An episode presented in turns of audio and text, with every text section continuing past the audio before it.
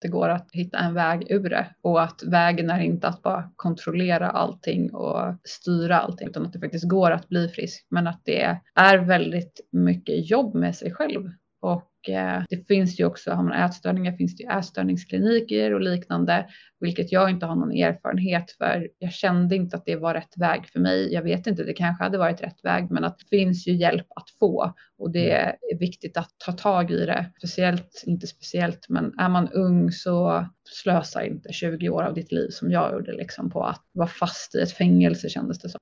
Och också är man lite äldre och har ätstörningar och, eller har problem med maten och ett osunt förhållande till kost och träning och har gett upp och tänker att det är väl så här det ska vara eller får vara. Man kanske har försökt men man har inte kommit hela vägen. Så bara så här, ge inte upp. Det går mm. verkligen. Veckans gäst i PLC-podden är Fanny Alfors som till vardags inspirerar miljoner av hennes följare på sociala medier med träningsglädje och eh, träningsinspiration. Just nu är hon bokaktuell med boken Släpp kontrollen, min väg till kroppslig frihet. Där hon öppet delar med sig av sin över 20 år långa resa med ätstörningar. Detta är ett väldigt viktigt avsnitt för jag tror att det är väldigt många som behöver höra detta. Om man kanske varit i eh, detta eller om man kanske går igenom detta just nu. Och i det här avsnittet så pratar vi just om boken och hennes resa, vad som varit den största gåvan i det här helvetet som hon har gått igenom. Vi pratar om hennes väg till läkning och vad som verkligen har funkat för att få henne tillbaka till ett mer normalt liv. Vi snackar hur viktigt närvaro har varit för hennes läkning och vad som kan hjälpa någon som är i en ätstörning just nu. Och i samband med det här avsnittet så kommer vi också lotta ut fem stycken signerade ex av just den här boken Släpp kontrollen, min väg till kroppslig frihet av Fanny. Gå till vår Instagram-sida för att eh, hitta inlägget som vi lägger ut i samband med det här avsnittet för din chans att få hem ett exemplar hem till dig helt enkelt. Och innan vi drar igång med det här avsnittet så vill jag bara påminna om vårt samarbete med pureness.se. Använd koden PLC-podden med 2D för att få 20% rabatt på hela deras sortiment när du checkar ut i deras online-kassa. Alltså PLC-podden med 2D för att få 20% rabatt på hela ditt köp på pureness.se. Nu kör vi igång med veckans viktiga avsnitt här med Fanny. Hej och välkommen till PLC-podden, podden som förändrar Sveriges syn på hälsa med mig Robin Hallsten. Veckans gäst som är med mig här över Zoom är Fanny Alfors som jobbar med sociala medier, influencer och jobbar mycket med det fysiska, mycket med träning.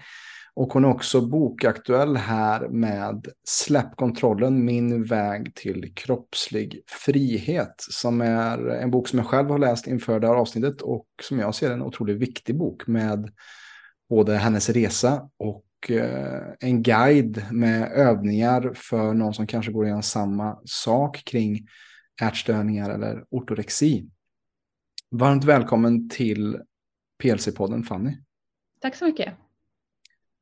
Hur eh, skulle du själv beskriva dig själv med, du jobbar mycket med sociala medier och med influencing. Eh, hur skulle du själv beskriva dig själv förutom det du gör och ja, vem är du? Träningsglad tjej som eh, har lite för mycket idéer, lite för mycket energi ibland och eh, jag har många bollar i luften, väldigt många idéer. Ja, ja det, det, ser man ju i det du skapar, att det är en väldig eh, kreativitet som flödar ut i dina kanaler till, till de som ja, du delar det med. Ja, men ibland så ja, kan jag bli lite så här, kan det inte bara vara tyst lite nu i några dagar? För att det blir ju också så väldigt mycket i sociala medier att jag tycker att man får väldigt mycket inspiration och idéer och det är väldigt mycket kreativt i sociala medier nu om man jämför med några år sedan. Alltså det finns ju, ja, det finns inget stopp. Nej, Nej precis. Det, det är ju eh, doomscrolling är någonting som jag själv har fastnat i ibland. När man bara, man bara fastnar i flödet. Det mm. händer ju väldigt ofta. Men, men det, är ju, ja, det finns både för och nackdelar med sociala medier och det kanske vi kommer att prata lite om i det här samtalet också. Vi får se lite.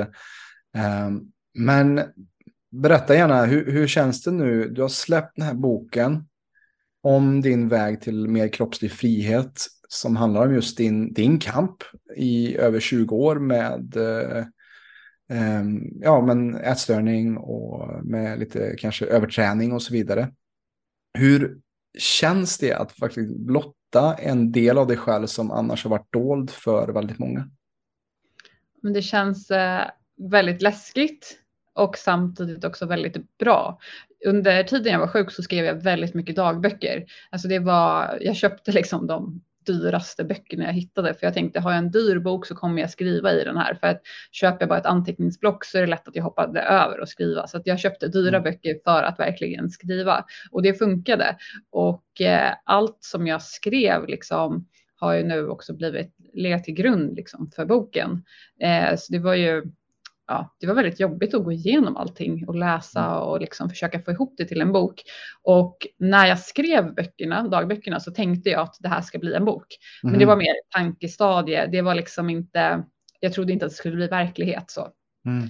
Eh, så det var en liten idé som fanns redan då, men ja, nu är det liksom en riktig bok, vilket känns ganska overkligt. Spännande, så det fanns redan då liksom ett, ett, ett frö till en dröm om att bli frisk och kunna använda detta till? Ja. Okej, okay, wow.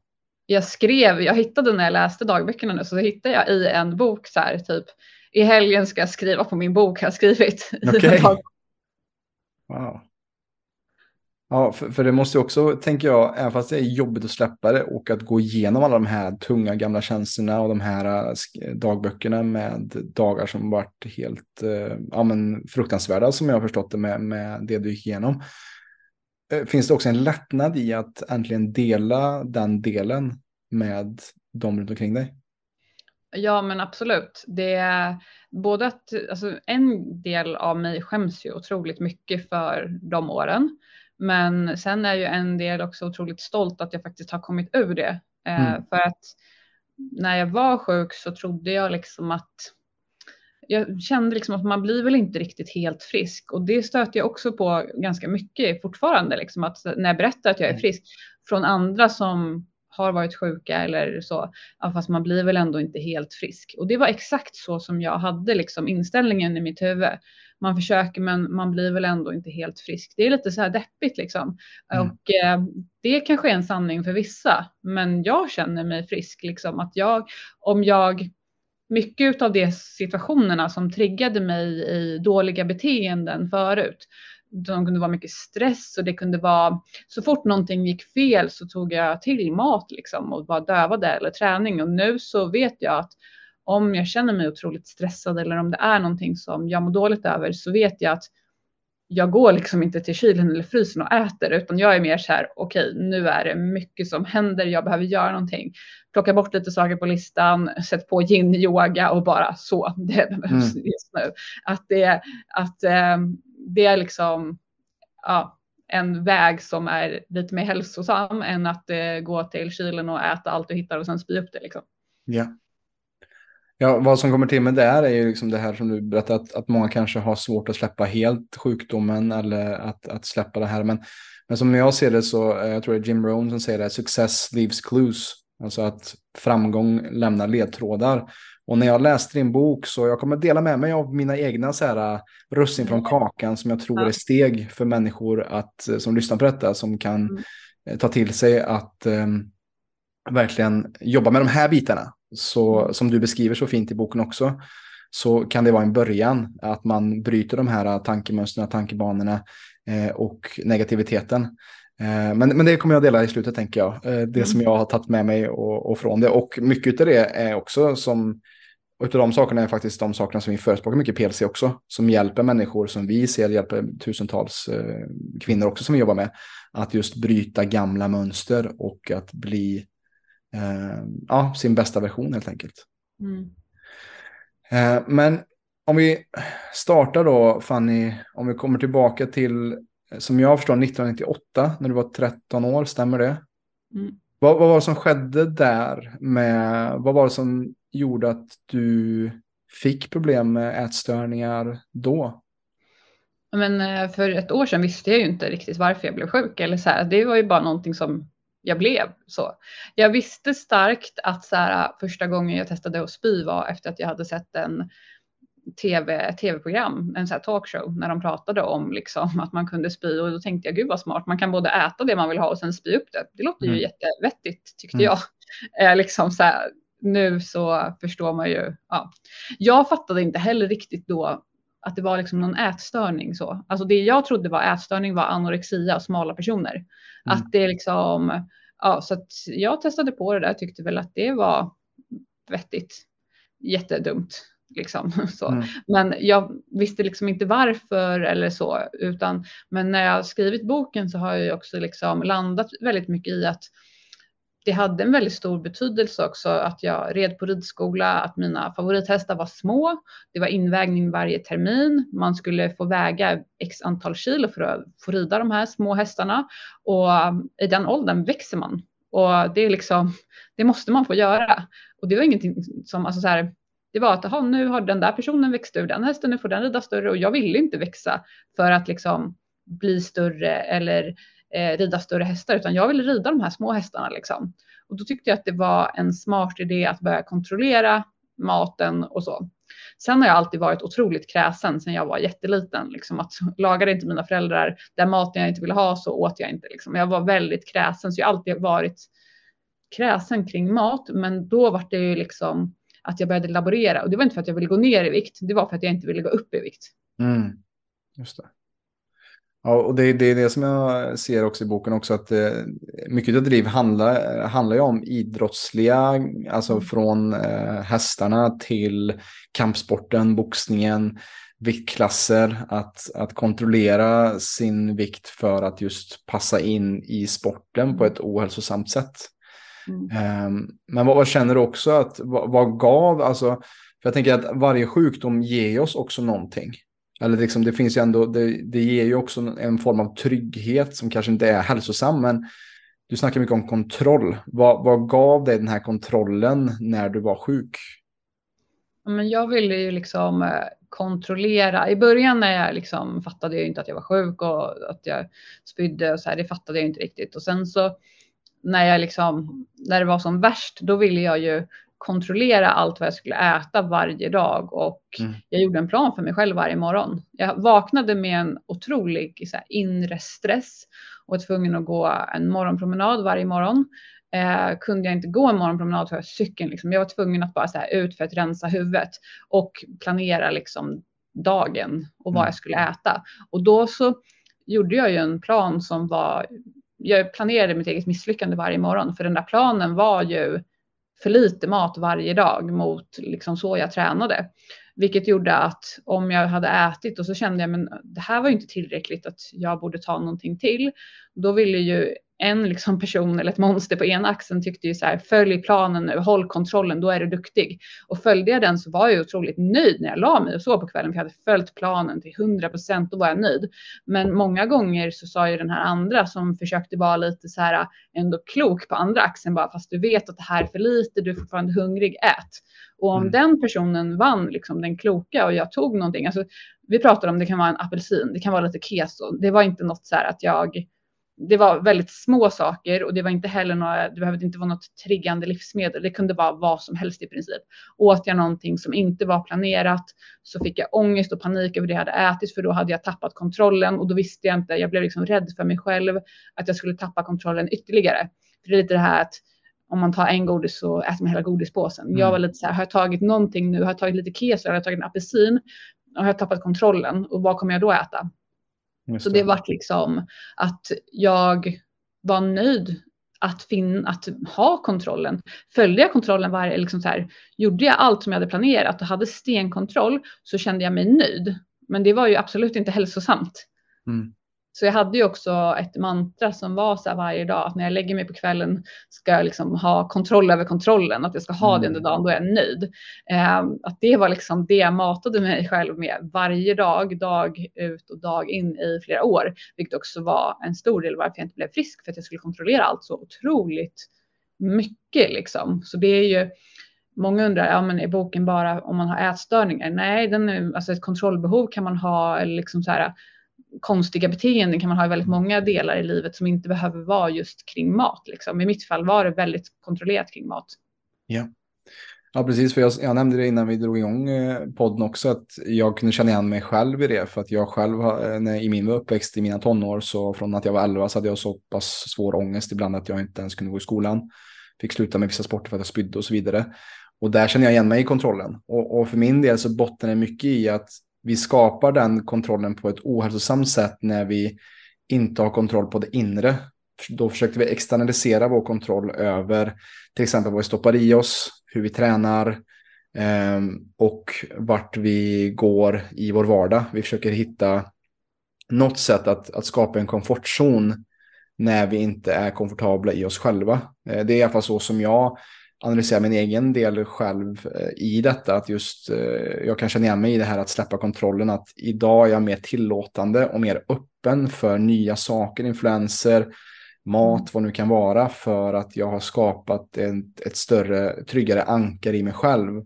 Och en, en ett större djup i att kunna till exempel andas rätt eller att kunna som du beskriver också så fint i boken. Du har ju till och med 23 övningar i boken som alla som läser kan ta till sig om också kring mindfulness eller reflektioner och sånt. Och när vi snackar om de här monstren som du gick igenom med tankemonstren som du hade på din axel och, och som ständigt var där.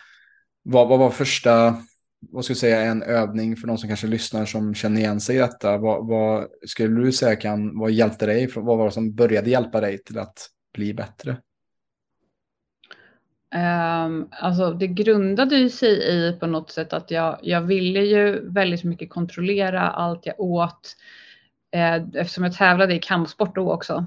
Och det var viktklasser och eh, det var väldigt mycket att jag flydde från mig själv och det var stressigt på jobbet och jag bodde i Stockholm och där är det en konstant stress och det var väldigt mycket stress liksom. Så eh, en övning, precis som du säger, liksom att jag hittade ju yoga och mindfulness, att bara så här landa och att stanna upp liksom. Mm. Att eh, acceptera den kroppen man har. Och jag gjorde ju allt för att liksom motarbeta min kropp. Jag samarbetade ju inte med den för fem öre. Den ville ju ha mat och den ville ju ha och jag bara nej. Så jag, mm. körde, alltså jag körde ju över kroppen totalt, vilket ja. också har lett till att jag haft så här fyra stressfrakturer.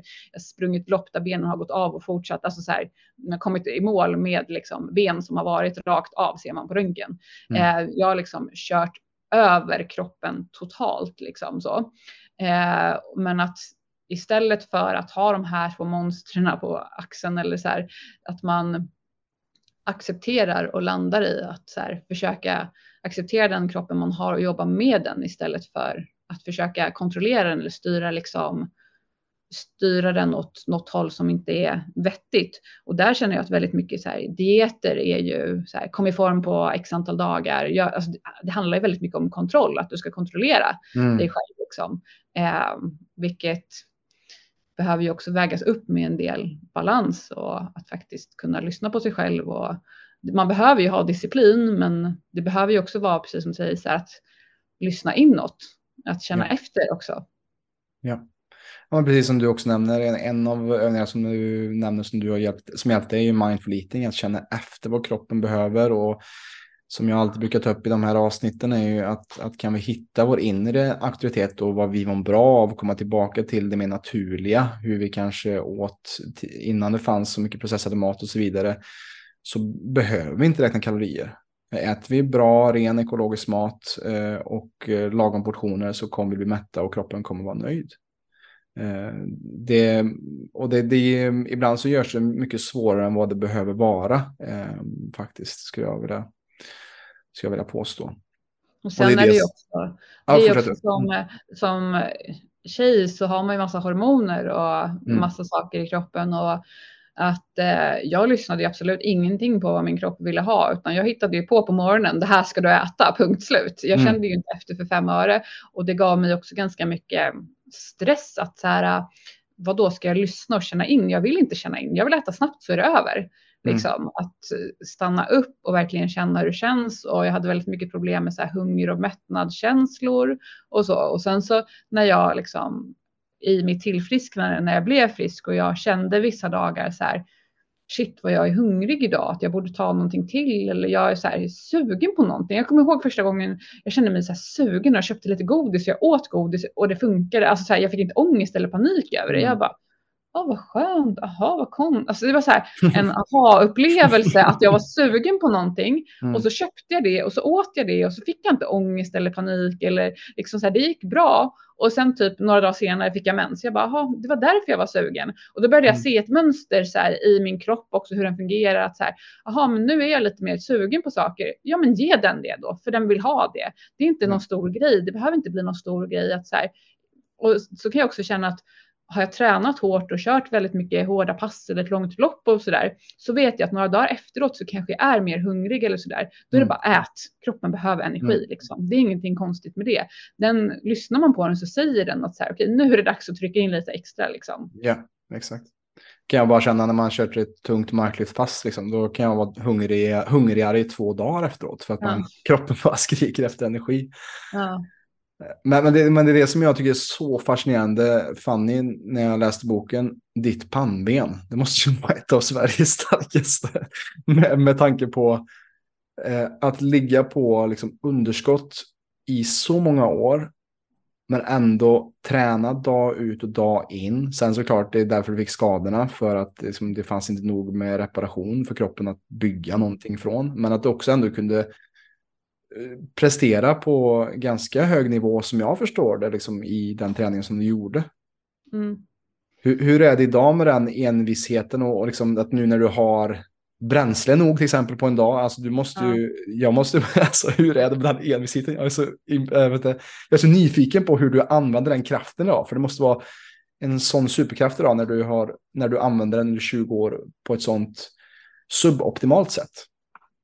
Ja, men jag har ju haft någon så här superkraft som den. Jag pressade mig otroligt hårt liksom och mm. tränade ju och gick ju kickboxningsmatcher och boxningsmatcher och jag fattar inte hur jag kunde. Jag gick på vissa, vissa matcher gick jag på som en ångvält. Alltså i kickboxning och boxning handlar det om att slå och så får du liksom poäng mm. och så den som har fått mest poäng vinner.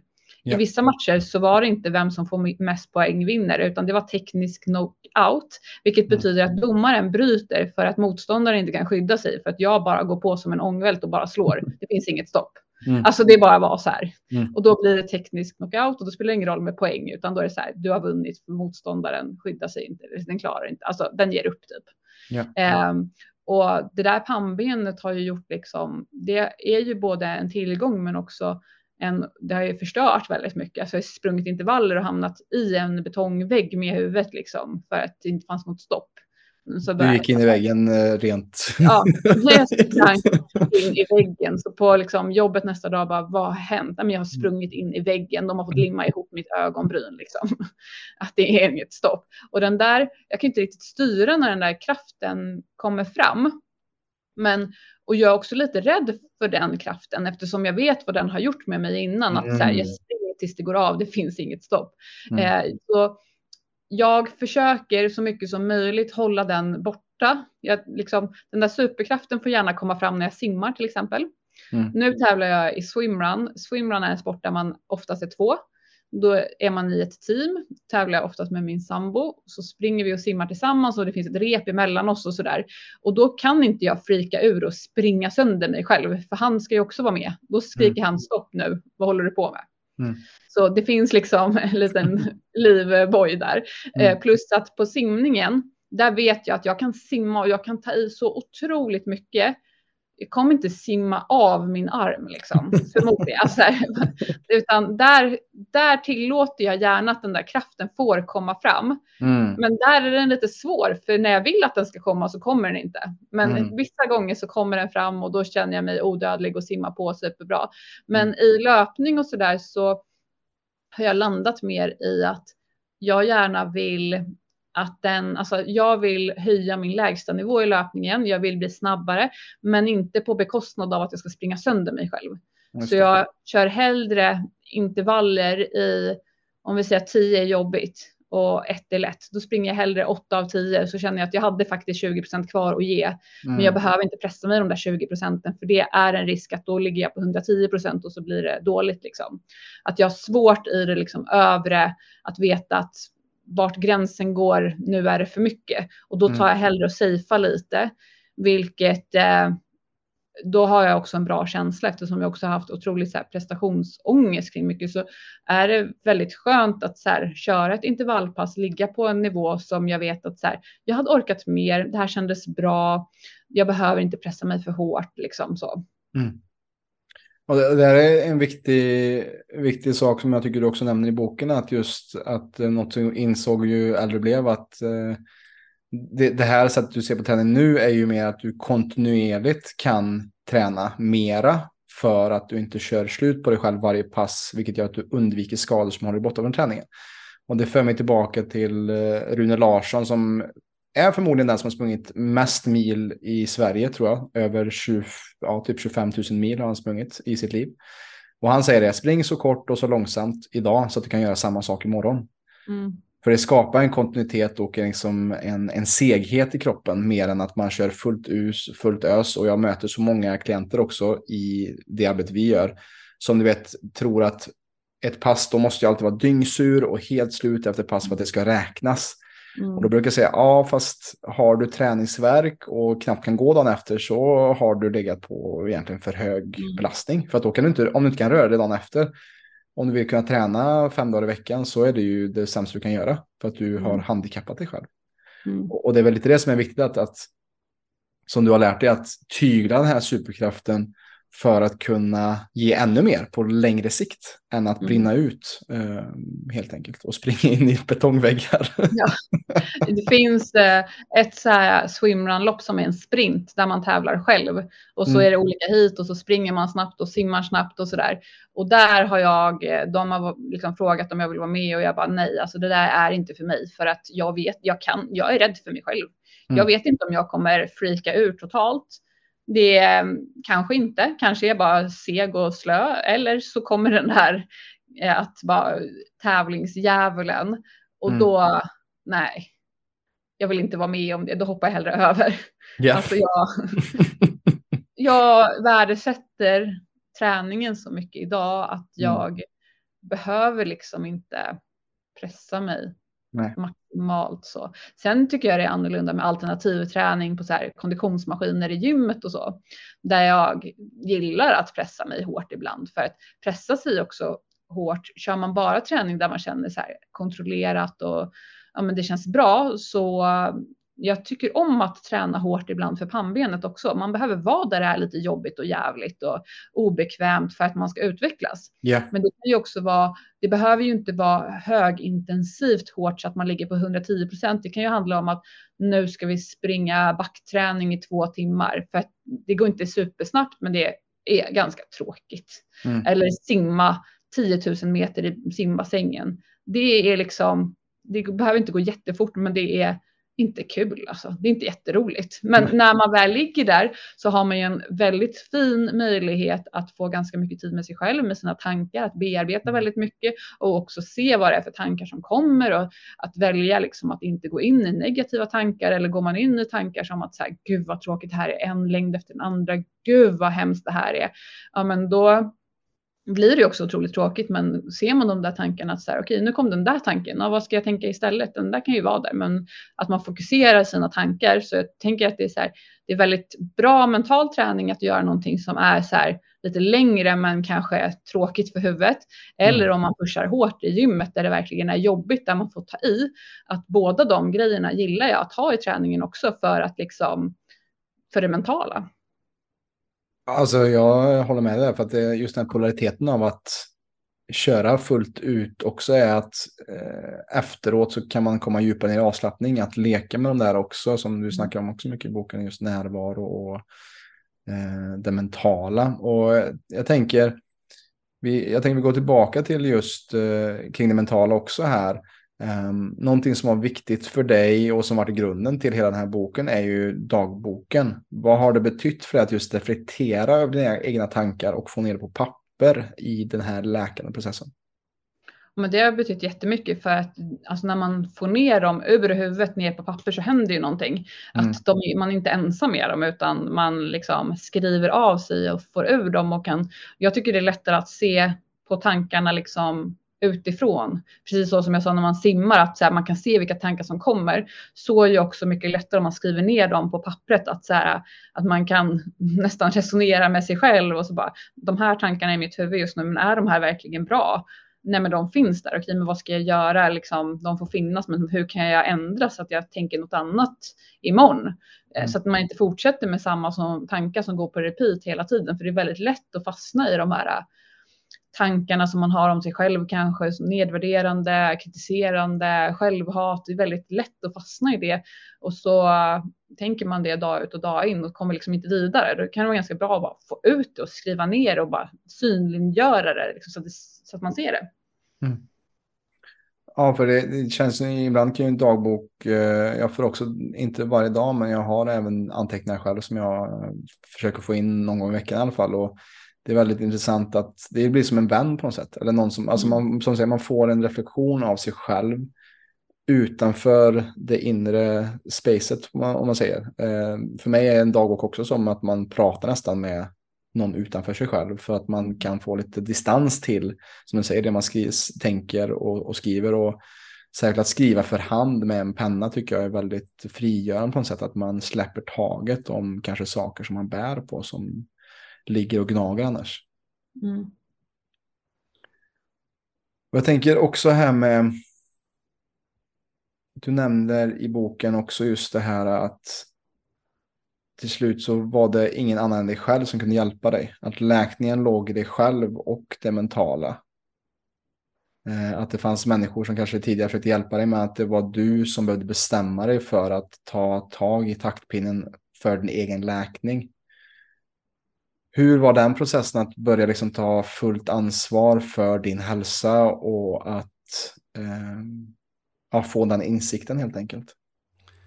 Innan Fanny svarar på den här frågan så tänker jag bara fråga dig som lyssnare om du känner att du är redo att ta 100% ansvar över din hälsa men inte riktigt vet var du ska börja så är det ju faktiskt det som är vår roll på PLC. Att hjälpa dig, att guida dig och coacha dig till mer hälsa, välmående så du kan bli friskare, starkare och friare i dig själv och i ditt liv.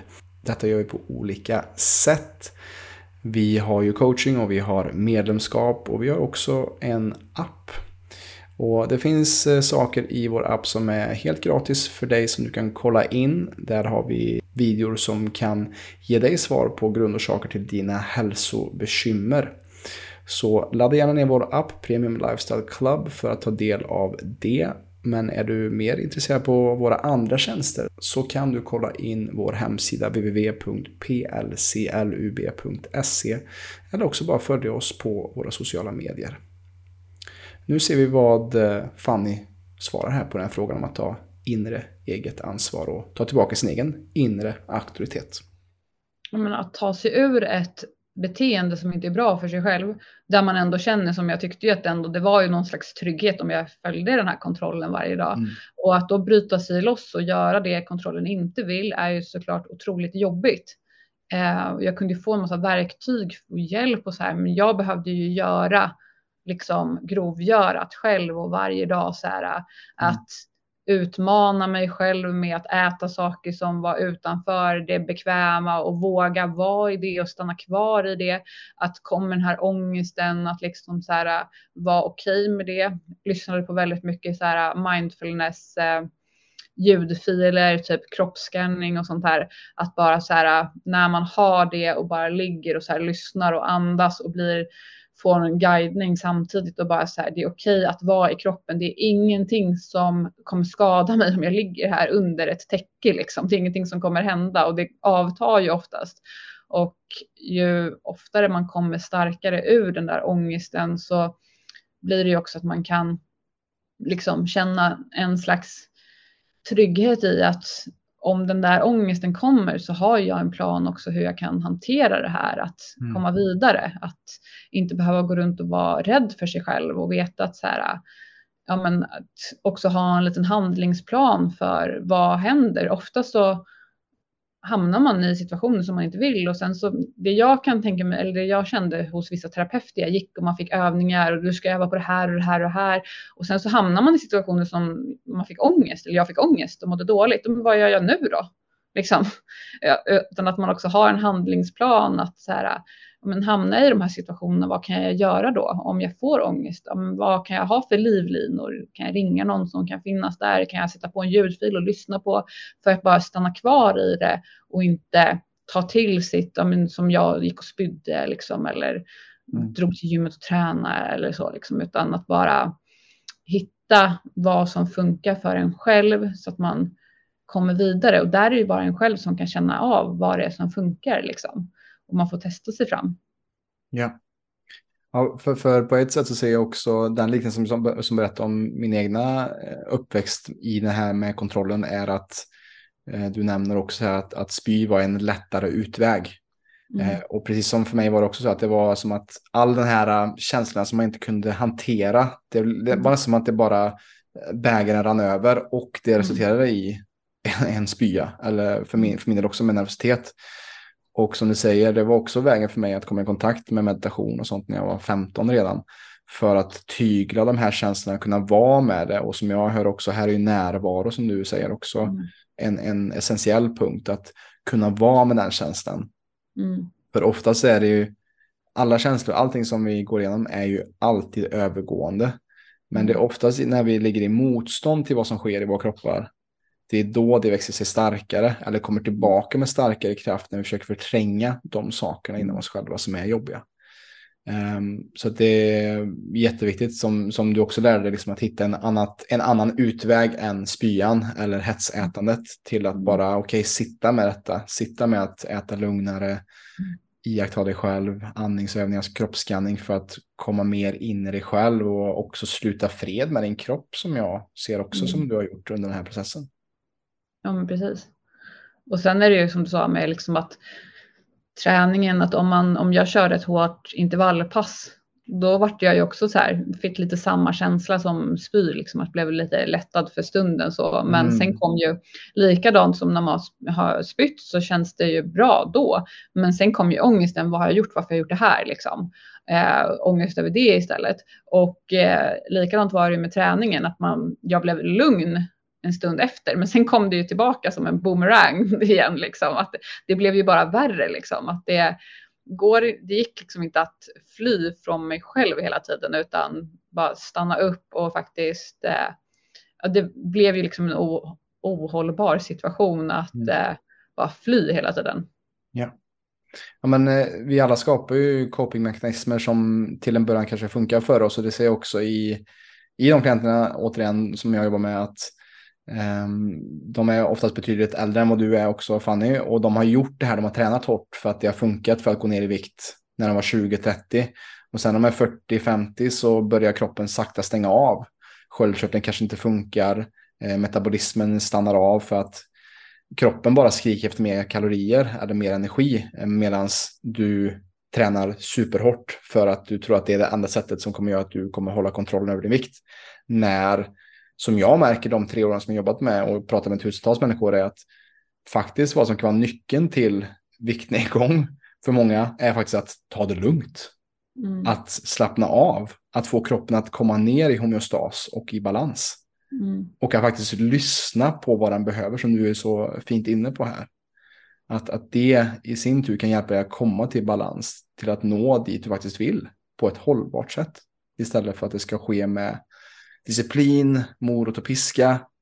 Eh, och istället komma från en lins av självkärlek och känna efter vad behöver min kropp idag? Jag kanske behöver yin-yoga istället för att ta mig ut på ett hårt intervallpass här idag. Sen får man också vara liksom medveten om, har man legat på väldigt, så här, som du säger, kaloriunderskott och hård träning, kroppen har stängt av, så är det ju också en fas som är jobbig, men där man behöver också acceptera kroppen, vad som händer när man börjar äta ordentligt och vila. Ja. Att det ja. är ju någonting som händer i kroppen som man får vara beredd på och försöka stanna kvar i. Att man kan inte fortsätta bearbeta eller motarbeta kroppen då. För att jag har ju aldrig, alltså jag vägde mig varje dag flera gånger om dagen när jag boxades. Och då kunde jag, då tyckte jag att jag hade stenkoll på vågen och liksom så. Men så var det en dag när jag stressade jättemycket på jobbet och åt väldigt lite. Då vägde jag mer. Mm. Och sen var det en dag när jag hade liksom stressat mindre och ätit mycket mer och då vägde jag mindre. Och då vart det, alltså det vart en så här aha-upplevelse för mig. Jag bara, vågen kan inte vara mitt kontroll, liksom så här, den, för den bara är, det är fel. Jag äter ju lite, då borde jag ju gå ner i vikt. Man hör ju alltid så här. Och då är det ju så himla mycket med stress och alltså hormoner och alltså det är så mycket som spelar in yeah. vad, liksom, vad man väger och att det kan ändra sig och att det är helt okej att, liksom, att det går upp och ner. Och sen har jag inte vägt mig på ja, över tio år. Liksom. För jag mm. är inte intresserad av vad jag väger för fem öre. Jag är intresserad av att ha en stark och hållbar kropp. Men jag vet ju också att om i början av mitt tillfrisknande när jag liksom var tvungen att lägga in mera vila, lyssna på mer kroppen liksom, och ta det lugnare så blev ju kroppen större. Mm. Men jag försökte ändå så här att bara acceptera den kroppen jag hade och samarbeta med den och bara så här okej, okay, det behöver vara så här, det är okej okay, liksom. Även om det kändes jobbigt att kroppen ändrades så försökte jag acceptera det och eh, istället för att motarbeta det. Och sen stabiliserar sig ju vikten beroende på hur man äter, hur man tränar. Att, eh, liksom, hänger man på klättercentret som jag gjorde väldigt mycket ett tag så liksom, jättemånga timmar i veckan så är det såklart att kroppen ändrar sig på ett sätt och tränar man mer löpning så blir det på ett sätt. Att kroppen formar sig väldigt mycket av hur man tränar också. Mm. Liksom. Mm. Eh, men att man behöver vara beredd på att när hormonerna har varit körda i botten, när kroppen har varit körd i botten, när man somnar var som helst, när som helst, så behöver kroppen också ha tid för återhämtning och då blir det väl allting lite huller om buller innan allt stabiliserar sig och att man också är medveten om det.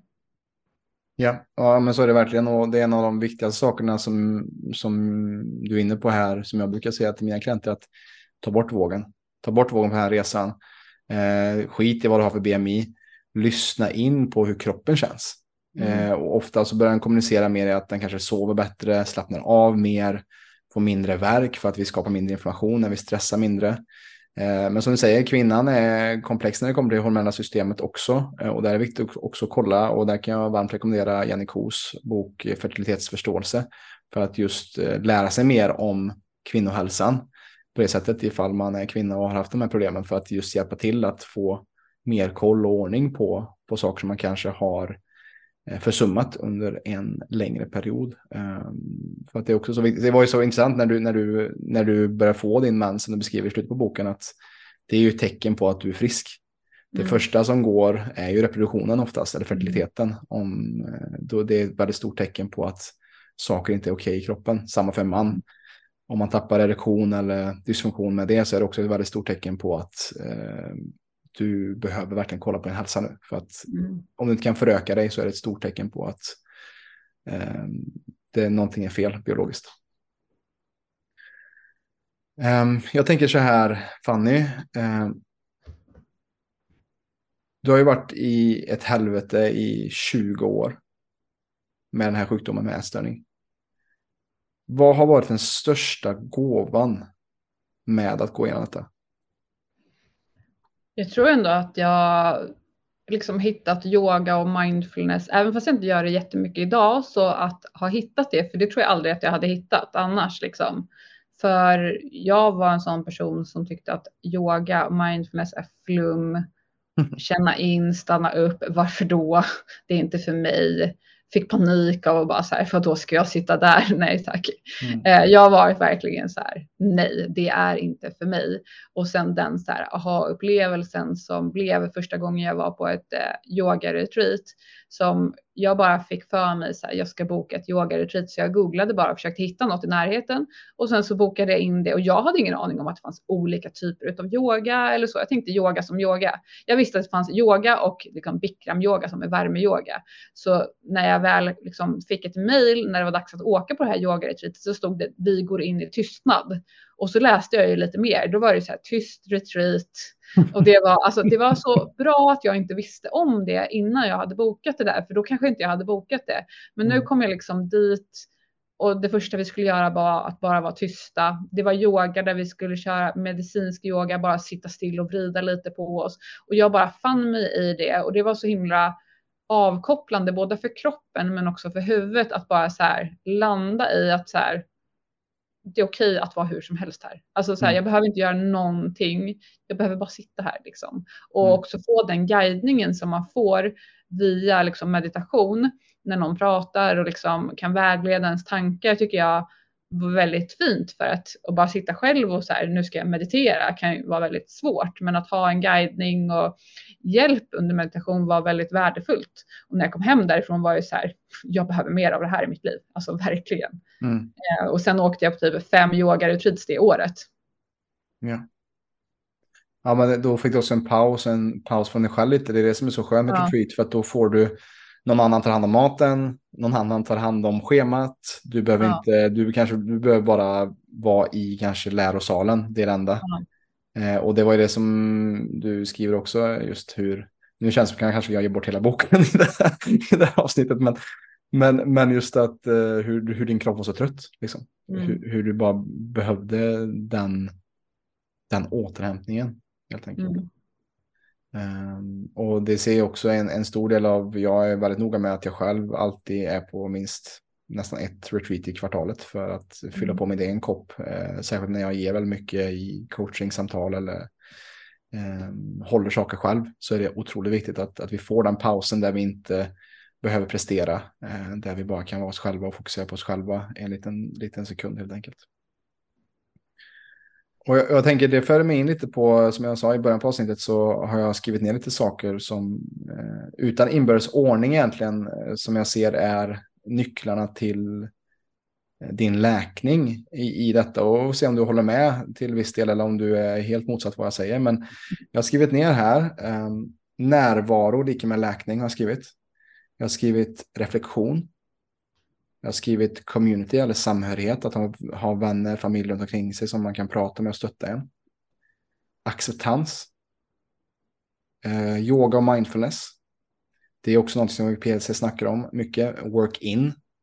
Alltså du, var, du körde egentligen bara workout och sen så mm. snubblade över yoga och upptäckte då work in. Just det här uh, saker som uh, ger oss energi, som skapar energi och som gör också att vi kan må bättre och bli mer balanserade. Sen har jag också skrivit ner kreativitet och lek. Har också varit viktigt för din läkande resa. Att göra saker spontant och eh, som du använder sociala medier till en, en, ett utlopp för din kreativitet och, och lek dig fram till din eh, läkning. Har jag, har jag rätt i dessa punkter? Är det någonting du skulle vilja lägga till? Ja, det tycker jag. Nej, jag tycker det är rätt. Ja. Är det någonting mer du vill lägga till eller någonting du vill säga om de här punkterna? Ja, men jag känner också djur är viktigt. Jag, djur. höll, på, jag höll på med hästar när jag var liten och sen så tog jag upp hästar igen liksom under tiden med läkningen. Att jag hade liksom tog ofta flextid onsdag eftermiddag, åkte ut till mm. stallet mm. där det inte var någon mottagning på telefonen och mm. bara så här, mm. var i naturen och red liksom. Att det var väldigt värdefullt. Ja. Natur och djur lägger vi till i listan mm. också. ja, men för, för, det är intressant för det finns ju alltid, vi är ju en summa av de valen och besluten och handlingarna vi gör i våra liv. Och precis som att eh, när du var sjuk så tog du val och handlingar som ledde till mer sjukdom. Och där du är idag tar du mer val och beslut som, och handlingar som faktiskt håller ifrån sjukdom. Och det är ju varje närvarande ögonblick som du tar beslut till att skapa ett himmel eller helvete i ditt liv, eller hur? Mm. Um, och det är det jag ser också att uh, närvaron som du beskriver också är uh, någonting som jag tycker är otroligt viktigt. Att det är först när vi är närvarande och känner våra kroppar som vi kan faktiskt um, ja, men styra vår tanke på ett mer konstruktivt sätt än att vi bara blir gå på autopilot. Kanon. Och jag vill också ställa en fråga här Fanny kring de som lyssnar just nu som kanske är i en process av att vara i ätstörning, ortorexi eller annan typ av kontrollbehov som inte är hälsosamt för dem. Kanske någon som är 13 år. Kanske någon som är i början på den här eh, resan att vara sjuk. Som lyssnar, som förhoppningsvis kanske snubblar över din bok och det här poddavsnittet. Vad hade du velat säga till den personen just nu? Att det går att bli frisk, att det går att hitta en väg ur det och att vägen är inte att bara kontrollera allting och styra allting liksom, utan att det faktiskt går att bli frisk, men att det är väldigt mycket jobb med sig själv och eh, det finns ju också, har man ätstörningar finns det ju ätstörningskliniker och liknande, vilket jag inte har någon erfarenhet för. Jag kände inte att det var rätt väg för mig. Jag vet inte, det kanske hade varit rätt väg, men att det finns ju hjälp att få och det mm. är viktigt att man liksom tar tag i det.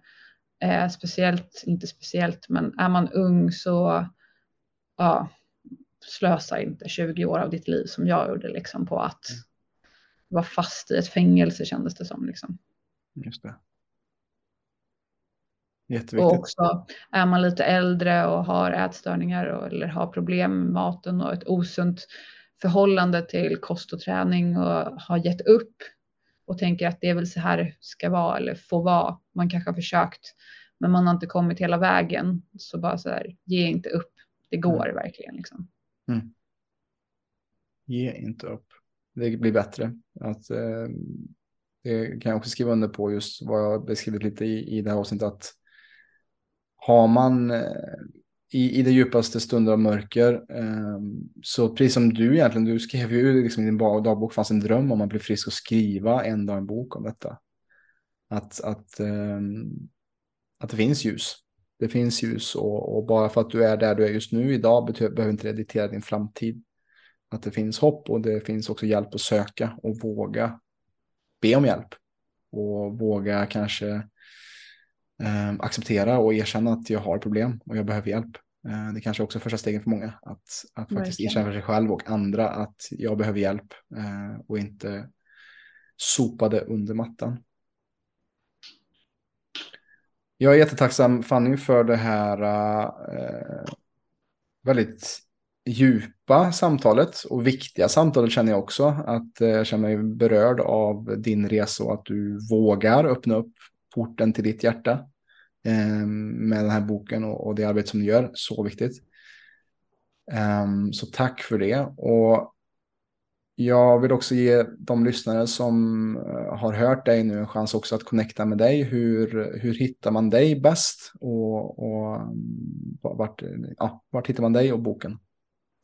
Man hittar mig bäst under Fanny understreck Josefin. Finns på Instagram, TikTok, Snapchat, eh, Youtube. Där är det väl mer Team Lost som vi heter, jag och min sambo som har lite mer äventyr och resor. Mm. Eh, men eh, ja, på de flesta plattformarna, Fanny understreck Josefin. Ja, fantastiskt. Och för dig som lyssnat som kanske har blivit eh, inspirerad eller fått med dig någonting bra från det här avsnittet, kanske dela det till någon som behöver höra detta. För all del dela med dig av det här avsnittet så att vi med stadig rasttakt kan förändra vår syn på hälsa. Stort tack för idag Fanny. Tack så jättemycket för att jag fick vara med. Stort tack för att du har lyssnat på det här avsnittet av PLC-podden med Fanny Alfors. Är du mer intresserad av hur vi jobbar med att hjälpa dig till en bättre och holistisk hälsa? Besök vår hemsida www.plclub.se för att kolla mer in på det. Eller följ oss på Instagram där vi just den här veckan kommer ha just en tävling där vi lottar ut fem signerade ex av Fannys bok. Lycka till med den tävlingen och så hoppas jag vi hörs snart igen. Men bara en sista sak innan vi rundar av här. Om du gillar dessa avsnitt, om det ger dig mer kraft, inspiration och styrka i livet. För all del, hjälp oss att sprida detta genom att sända den här podden till en nära och kär vän. Eller ge oss en femstjärnig recension på iTunes eller Spotify. Det hjälper oss att sprida vårt budskap ännu mer. Tack för att du gör det för oss. Tills vi hörs och ses nästa gång. Ha det bra.